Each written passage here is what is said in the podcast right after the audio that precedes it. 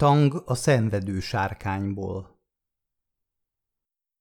Az asztalon lévő találomra szétszórt ősi tárgyak fölött áthajolva, Howard Mitchellt hirtelen, szinte elviselhetetlen izgalom öntötte el. A sóvár gyűjtőé, aki kincsre bukkan. A szíve zakatolt, mély lélegzetet vett, és még közelebb hajolt a lantjátékos kerámia figurájához, magában hálát adva annak a tisztviselőnek, aki hongkongi szállodájából ide irányította őt. Ide, Mr. Chang szenvedő sárkány nevű üzletébe. Mr. Chang régiségboltjában a hiszékeny turistáknak szánt leszállított áru hamis antikvitások keveredtek kínai fegyverekkel, páncélokkal és valaha tündöklő fényű ruhák rongyáfoszlott maradványaival. Ruhákkal, melyeket minden bizonyal nemesek és prostituáltak hordtak valamikor azelőtt, hogy Kínából új Kína lett volna. Mitchell nagyon keveset tudott ruhákról és fegyverekről, de szívesen büszkélkedett maga és mások előtt meglehetős tájékozottságával a kerámiákról, és ha csak a szeme nem csapta be, Mr. Chang vacakjai között az ősi kínai fazekasság egy eredeti darabját fedezte fel. A lantjátékos kicsi volt, nem nagyobb 15 centiméternél, fénytelen és poros, de gyönyörűen megformált és kiégetett. Pontosan olyan darab, amilyeneket eredetileg a kínai előkelőségek kriptájában helyeztek el sok-sok évvel ezelőtt. Mennyivel is? Mitchell egészen közel hajolt egy alapos vizsgálat kedvéért. Tang? Majdnem bizonyos. Ez pedig azt jelenti, hogy a kis lantos körülbelül 1200 éves, plusz-minusz néhány év. Ha pedig így van, akkor a figura még figyelemre méltóbb kiegészítője lenne gyűjteményének. Mióta a felesége meghalt és egyedül maradt a pénzével, Mitchell idejének és figyelmének legnagyobb részét ez kötötte le. Csoszogó léptekre lett figyelmes, ahogy felnézett, egy nyájas kínai gentleman látott, aki éppen üdvözölte őt. Az üzlet tulajdonosa, ha ő volt az, elnyűt, nyugati típusú üzleti ruhát viselt mellénnyel, és minden ízében úgy nézett ki, mint boltjának régiségei. Nagyon szép antikvitások, uram, mondta annak a hangnak az atmoszférájával, amelyik már legalább tízezer turistát üdvözölt itt, pontosan ezekkel a szavakkal, és kitűnő angolsággal. Ön Mr. Chang? kérdezte Mitchell. Mr. Chang meghajolt. Szolgálatára, uram. Talált valamit, ami megmozgatta a képzeletét? Mitchell észrevette, hogy a szinte nem is létező szempillák mögött milyen metsző a kínai pillantása. Megköszörülte a torkát, és megpróbált közönyös hangon beszélni. Ez, ez a kerámia figura. A lantos felé bökött mutatóujjával, amely kissé remegett a móhúságtól. Ez eredeti régiség? Semmi más nincs ebben a kis birodalomban, mint eredeti régiség. Válaszolta Mr. Chong szeliden, nem zavartatva magát Mitchell szkepticizmusától. És milyen korszakból származik?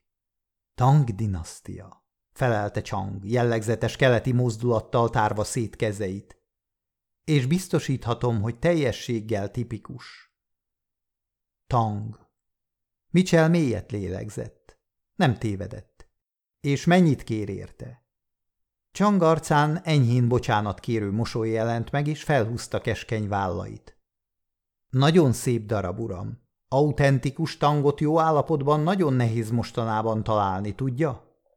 Fejével abba az irányba intett, amerre az új területek és mögötte a vörös Kína terült el. Így hát bizonyára megérti, hogy méltányos, de viszonylag magas árat kell kérnem. Mennyi? Ezer dollár.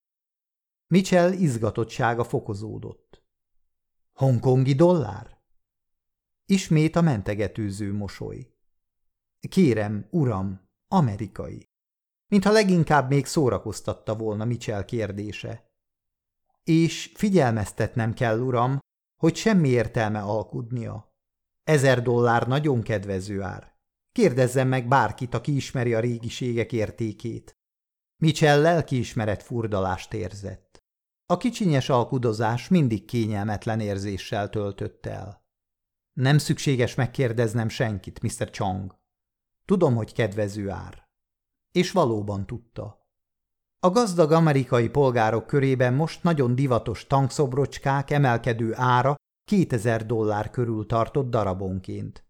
Csak egy hónappal ezelőtt ő maga is szívesen fizetett 3100 dollárt egy New Yorki műkereskedőnek egy tankkatonáért, ami korán sem olyan tökéletes, mint ez a csodálatos lantos.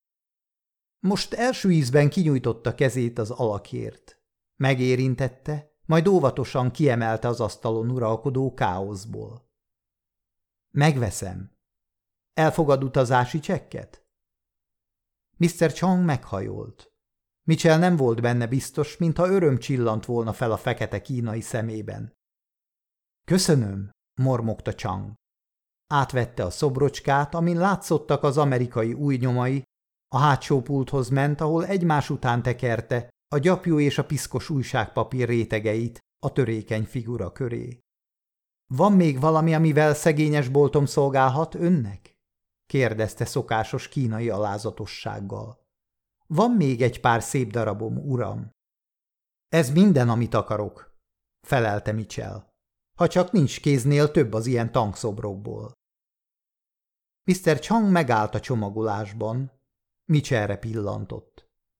Ön műkereskedő, uram? Nem, nem műkereskedő, gyűjtő. A kerámia érdekel. Kínai, etruszk, perzsa. Kezdő vagyok, de szorgalmasan tanulok. Mitchell a szoborra mutatott, amit a bolt tulajdonos éppen egy keskeny kartondobozba helyezett. Ennek a szépségét minden esetre már felismertem.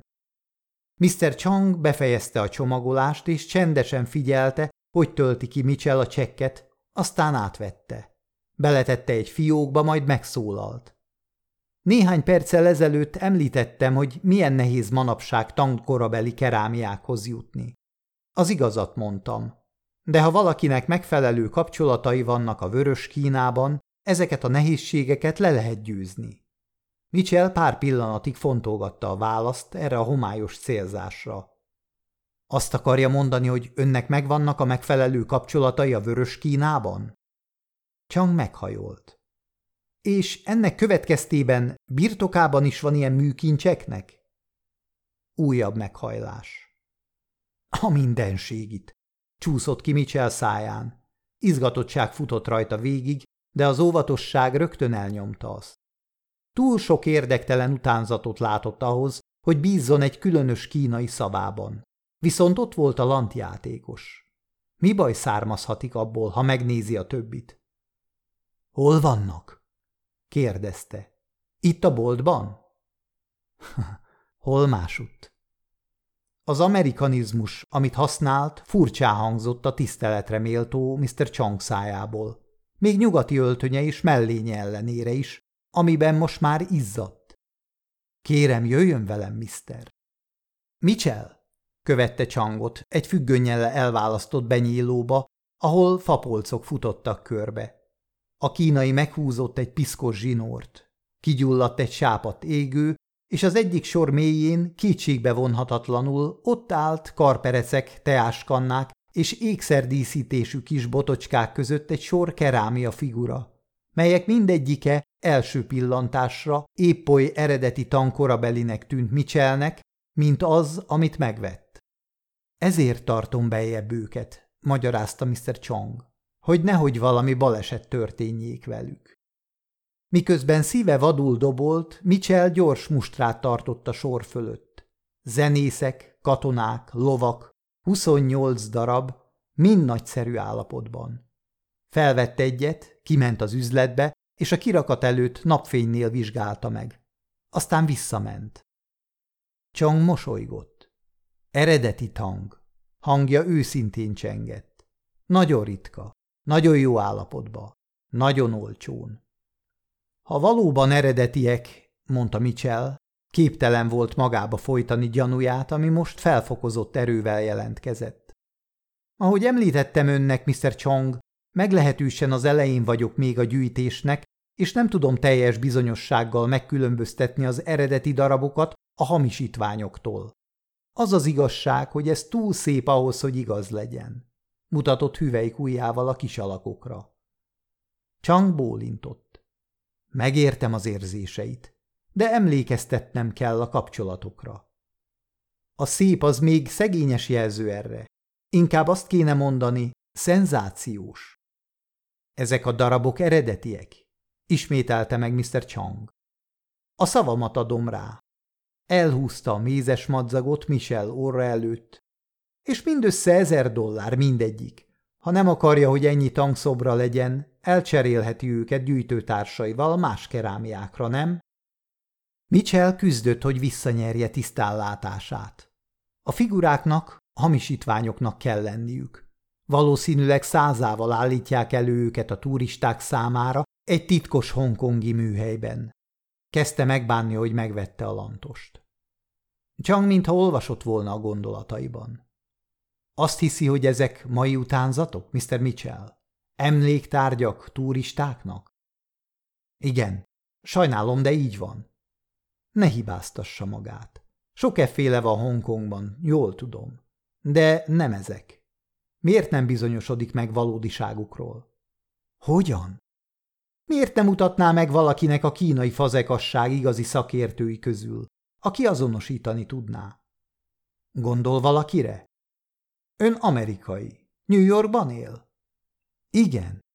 Biztosan ismeri Filadelfiát is, Pennsylvániában. Természetesen, válaszolta Mitchell. A beszélgetés földrajzi fordulata kíváncsivá tette. Mi van Filadelfiával? Ott él a kínai kerámia egyik legnagyobb szakértője a világon. Felkérheti őt, hogy vizsgálja meg ezeket az alkotásokat. Vajon hogy segíthetne nekem az ön szakértője, ha ő Filadelfiában van, a szobrok pedig Hongkongban? Vetette ellen Mitchell. A vizsgálatot meg lehet oldani úgy, hogy ön ne vállaljon anyagi kockázatot, ha erre gondol. Igazán? Mi módon? Tegyük fel, hogy kifizeti nekem most az összeget, amibe a jelenlegi árak szerint a szobrocskák kerülnének, ha csak szuvenírek lennének. Aztán Filadelfiában dr. Kam Sun Fat eredetinek találja őket, elküldheti nekem a tényleges árat. Úgy érti, hogy megbízna bennem? Mr. Chang meghajtotta nyájasságra mindig kéz derekát. Így csak öt amerikai dollárt kockáztatna minden darabért, egészen addig, amíg ki nem derülne, hogy valódiak. Mitchell egészen elgyöngült. De a vámvizsgálat? Vallja be a lantjátékost az igazi árán, ajánlotta Chang. És ezt a 28-at, mint 5 dolláros emléktárgyat. Adok erről önnek számlát is, hogy még hihetőbb legyen. Mitchell hallgatott. Vágyódóan méregette a kerámia figurák sorát ebben a poros hongkongi üzletben, arra gondolva, hogy nagyon szeretné a magáénak tudni őket, hamisak vagy sem, és hamisaknak kell lenniük. De ha Chang hajlandó bízni benne, nem lenne hálátlan és udvariatlan dolog ezt nem viszonozni? Még egy próbát tett, mielőtt engedett volna a varázslatos csábításnak. Honnan ismeri azt a bizonyos dr. Fatet? ha ez volt a neve, Filadelfiából. Személyesen nem ismerem, csak a hírét, mint elsőrendű orientalistának. Mindenki ismeri őt, akit komolyan érdekel a kínai művészet. A Vidmar College keleti tudományok tanszékének vezetője. A kínai szünetet tartott és kételkedve nézett Mitchellre. Ha ilyen kerámiát gyűjt Mr. Mitchell, nagyon csodálom, hogy ön még nem hallott róla. Hallottam, mosolyodott el Mitchell. És ez az, amiért elfogadom az ajánlatát, Mr. Chong. Mind a 28 alakot megveszem, darabonként 5 dollárért, és elküldöm a 28 ezer dolláros csekket, amennyiben Dr. Fat eredetiként azonosítja őket. Köszönöm, hogy a vásárlója lehettem. Legyenek utánzatok vagy eredetiek, mindenképpen gyönyörűek. Mr. Chong meghajolt. És ez sokkal fontosabb, mint az ár, nem igaz? Udvariasan egy töltőtollat nyújtott Mitchellnek, hogy az kitölthessen még két utazási csekket. Professzor Kamson Fat, a művészetek, az irodalom és a filozófia doktora nem cáfolt rá címeire testi valójával. Harmincas évei közepén járt, sovány volt, majd hogy nem csont és bőr. Olyan alkat, aki időskorára sem hízik el. Hosszúkás, intellektuális arcát szemüvege óvta meg a szigorúságtól. A féllencsés olvasó szemüveg fölött olyan gyermeki nyíltsággal tekintett látogatójára, mint egy huncut tinédzser, aki éppen nagyanyú ókuláréját próbálja ki. Mitchell leült a felkínált székbe, Fat professzor íróasztala mellé. Bőrtáskáját a térdén tartotta. Igazán kedves öntől, hogy fogadott. Tudom, hogy nagyon elfoglalt ember, mondta. Sosem annyira, hogy ne segítsek olyas valakinek, akivel rokon vagyok a kínai művészet csodálatában, felelte dr. Fat. Különösen, ha ezzel pénzt is kereshetek. Csúfondáros tekintetet vetett Mitchellre. Mint látja, épp úgy szeretem a pénzt, mint a keleti művészetet. Ki nem, toldotta meg Mitchell élezve ennek a nemzetközi hírű tudósnak az őszinteségét. A levelében tangszobrokat említett, folytatta dr. Fat. Oka van, hogy kételkedjék az eredetiségükben, amint írta. Így igaz. És számítok önre, hogy eldönti, kincs van-e a kezemben, vagy egy csomó hamisítvány. Mitchell elmagyarázta, hogy még csak kezdőgyűjtő, és nem biztos az ítéleteiben. Különösen akkor tette hozzá mosolyogva, ha a mennyiség épp oly lényeges tényező, mint a minőség. Mennyiség? 29 darab van itt. Mitchell kinyitotta a táskát, és elkezdte kicsomagolni az alakokat. Mindegyik ugyanabból a forrásból, ugyanakkor ugyanazon tranzakció keretében. Értem. Kérdéses forrásból ezek szerint. Úgy van. Majdnem mindegyik jó nevű műkereskedő, de még gyűjtő is rendelkezhet 29 valódi darabbal. De nem az a gyanús régiség volt, ahol ezeket vettem. Vágott közbe Mitchell. Itt Amerikában? Nem, keleten. Mitchell nem látott okot rá, hogy a helyet pontosabban meghatározza. A bolt jó részt a turistákat szolgálja ki apróságokkal, úgyhogy azt hiszem túlzott hiszékenység lenne bízni abban, hogy az összes darab valódi. Ahogy csomagolta ki a szobrocskákat, sorba állította őket az íróasztalra. Szemüvege fölött dr. Fat elragadtatással nézte, hogy növekszik a zenészek, lovak és katonák hada. Csodálatosak, igaz? mormolta. Szemeivel szinte simogatta őket. Ez az összes? Igen, felelte Mitchell. 29 darab. Dr. Fat pár pillanatig csak méregette az alkotásokat, anélkül, hogy hozzájuk nyúlt volna. Aztán lassan kinyújtotta sovány kezét, és felemelt egyet. Szemüvegén keresztül gondosan megvizsgálta, ide-oda forgatta, Felületének egyetlen piciny részlete sem került el figyelmét. Aztán egy erős nagyítót vett elő az íróasztal fiókból, és még alaposabban megismételte az eljárást. Végül félretette a figurát, és előről kezdte a műveletet a következővel. Közben alig hallható hangon mormogott magában. Látszott, hogy a külvilág teljesen megszűnt létezni számára. Egyik a másik után Mind a 29 darab a nagyítója alá került. Mitchell ez alatt szó nélkül ült a székén, egy egyszerű kérdést sem mert megkockáztatni, a professzor annyira el volt merülve. Mikor befejezte a vizsgálatot, 28 alak állt az íróasztal jobb oldalán, a bal oldalon pedig egyetlen ügető ló kerámia figurája. Dr. Fat kiegyenesedett, nyújtózott, majd szemüvege fölött Mitchellre pillantott és elmosolyodott. Ez a legtöbb, amit megtehetek, Mr. Mitchell. A világon semmiféle kétség nem merül fel ezzel a 28 darabbal kapcsolatban. Intett a jobb oldaliak felé. Mitchell úgy érezte, megfordul vele a szoba. Hamisítványok? Egyáltalán nem. Eredeti tangok, minden kétségem felül. Boldogan teszem rá a hírnevemet. De hisz ez csodálatos, kiáltott fel Mitchell. Annyira tökéletesnek tűntek a szememnek, mégsem tudtam igazán elhinni. Most már elhiheti, örömmel biztosíthatom e felől. 28 eredeti tangszobra van, Mr. Mitchell. Ami ezt az egyet illeti, dr. Fata lóra mutatott a bal oldalon. Nem szívesen, de be kell ismernem a bizonytalanságomat. Gondolja, hogy ez az egy utánzat? Mitchell enyhe megkönnyebbülést érzett, hogy nem a lantosról van szó. Lehetséges. Miből következtetett erre? Nem pontosan ugyanolyan, mint a többi?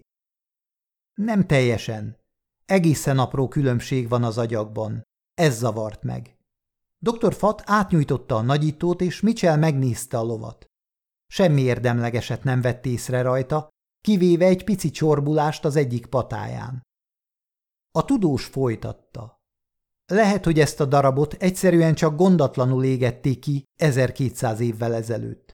De a kora 12. század helyett lehet 12 év is. Elmosolyodott. Ami értékben jelentős különbség. Igen, latolgatta Mitchell. Mennyit fizessen ő most a szenvedő sárkány tulajdonosának ezért a félig biztos eredetiért? Öt dollárt? Vagy ezret? Ha ön nem tud teljes bizonyossággal dönteni, gondolom nincs olyan, aki tudna. Nem így van, válaszolta a professzor.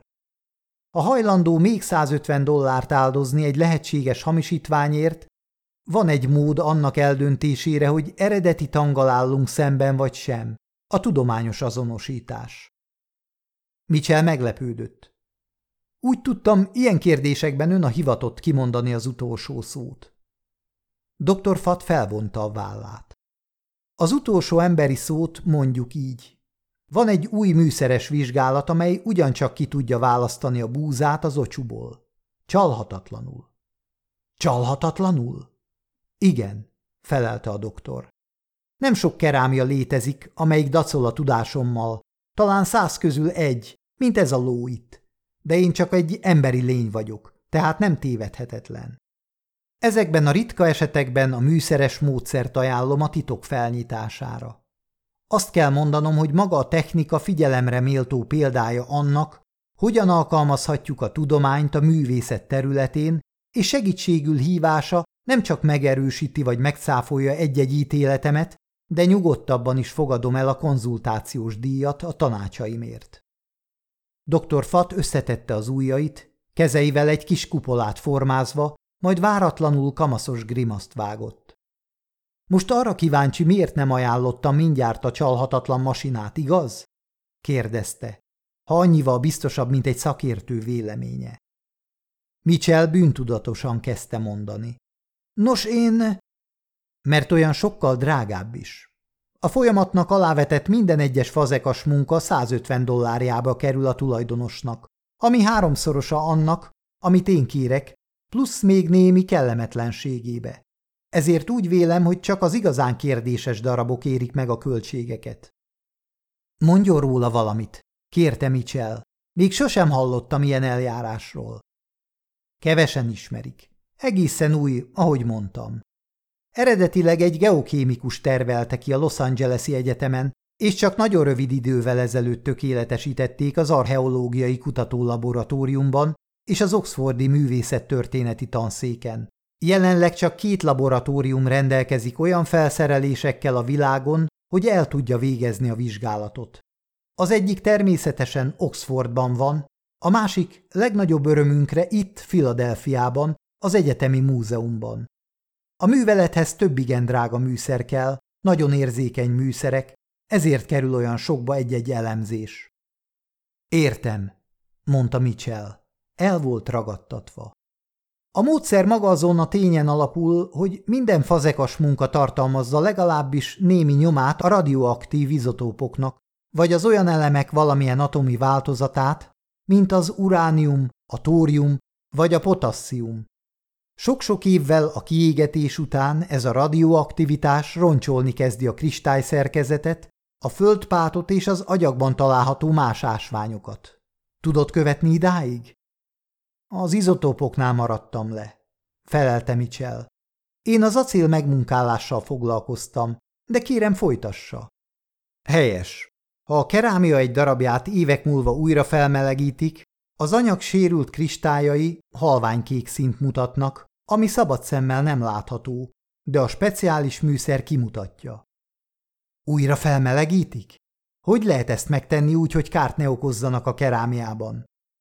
Egy egészen kicsi mintát vesznek egy olyan helyről, ahol ez nem látszik meg, és 5000 Celsius fokra hevítik.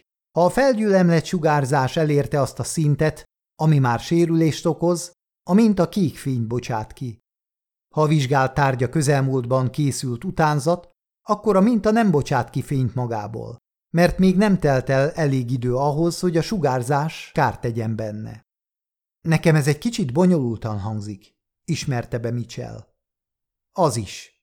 A kiadott fény erejéből nagyjából meg lehet becsülni a kerámia korát. Nem egész pontosan, de elégségesen ahhoz, hogy egy modern hamisítvány azonnal kiugorjon.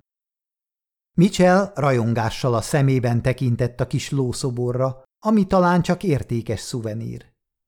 Tehát pontos választ kaphatok a lovamról itt a városban 150 dollárért, teljes bizonyossággal. Dr. Fad bólintott. És őszintén ajánlom is. Akkor kétség nélkül tudni fogja, mi az, amit megvett. Azt mondta, az eljárás megerősíti vagy megcáfolja az ítéletét. Mi az ön tipja a szobor valódiságát illetően? Eredeti. Jött a válasz azonnal. 60 százalékban mellette, 40 százalékban ellene vagyok. Mitchell elhatározta magát. Nos, akkor tudjuk meg a biztos választ. Hogyan kezdjek hozzá? Adok egy ajánlást a múzeum igazgatójához. Nagyszerű, és köszönet mindenért, dr. Fat. Tudatni fogom önnel az eredményt.